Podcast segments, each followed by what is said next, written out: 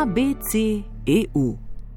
Spoštovane, spoštovani, pred vami je novih, navdahnjenih pet, morda šest ali sedem minut prepričevanja, zakaj vas bi moralo dešifriranje birokratsko-žargonskih poimenovanj v Evropski uniji zanimati danes.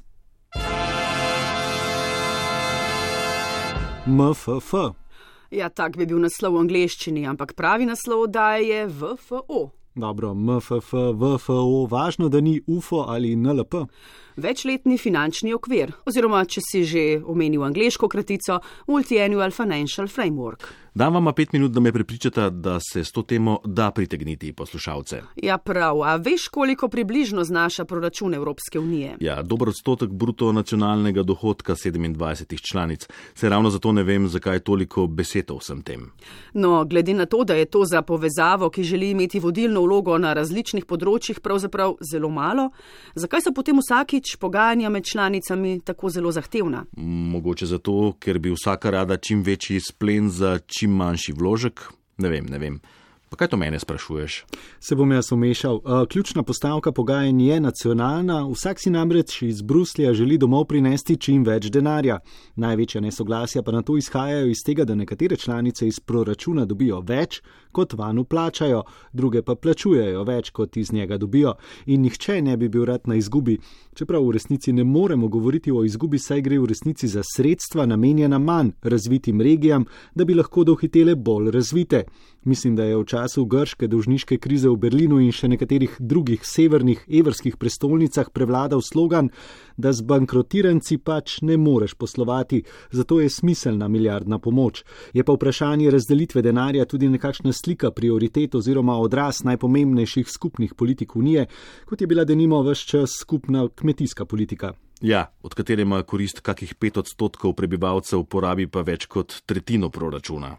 Že res, da je mogoče skupni kmetijski politiki marsikaj očitati, a ne smemo pozabiti, zakaj se je pravzaprav razvila. Namreč po drugi svetovni vojni se je Evropa soočala s pomankanjem hrane in to so hoteli s podporami kmetijstvu preprečiti. In jim je uspelo. Ja, tako da so potem ustvarjali presežke hrane, ki smo jih potem metali stran, ker jih v skrbi za to, da cene ne bi padle, niti izvoziti nismo mogli.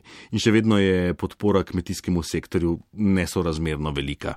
Imaš prav, Luka, ampak delež skupne kmetijske politike se je od njene uvedbe vendarle precej zmanjšal, če vemo, da so včasih za njo namenjali več kot polovico evropskega proračuna.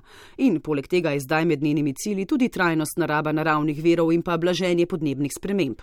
Kar je tudi ena izmed zahtev za naslednji večletni finančni načrt Evropske unije. Letni proračun unije mora namreč upoštevati omejitve porabe, ki je določena v večletnem okviru. Ta se pripravlja za obdobje najmanj petih let, ponavadi pa ta obdobja zajemajo sedem let in zdaj potekajo pogajanja o naslednjem obdobju, to je od leta 2021 do 2027 in evropski poslanci v tem predlogu zahtevajo več sredstev za blaženje podnebnih sprememb, za spopadanje s socialnimi posledicami digitalizacije in prehoda v nizko oziroma brezoglično gospodarstvo. In to so cilji, ki jih zagovarja tudi Evropska komisija. Če citiram predsednico Ursula von der Leyen, do leta 2050 želimo postati prvi kontinent z neutralnim učinkom na podnebje, zagnati moramo prehod v digitalno družbo ter omogočiti našim državljanom in regijam, da s temi velikimi spremembami pridobijo, naprimer z vlaganjem v izobraževanje in v usposabljanje za poklice prihodnosti. Ampak največjo vlogo pri spreminjanju proračuna imajo države članice, ne komisija. Tako se piše v mojem priročniku.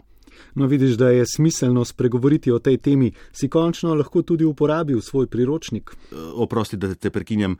Ne piše po priročniku, da bi rada imela Unija svoje sredstva, ki bi jih lahko pobirala, da nima od digitalnega ali okoljskega obdavčevanja. Ja, ideja o lastnih sredstvih je ogromno, vprašanje je vedno izvedba, ki pa je, kot ugotavljamo, odvisna od stališč posamičnih držav, ki so včasih kar alergične na morebitna povečanja evropskih izdatkov, čeprav gre večina evropskega proračuna nazaj v članice prek takšnih in drugačnih projektov.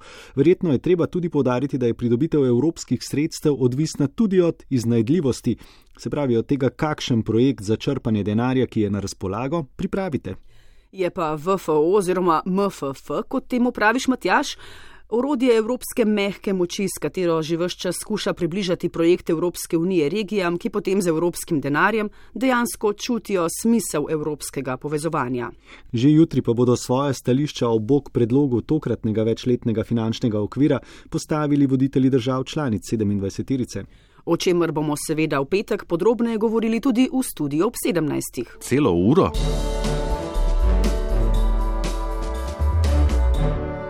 ABC EU.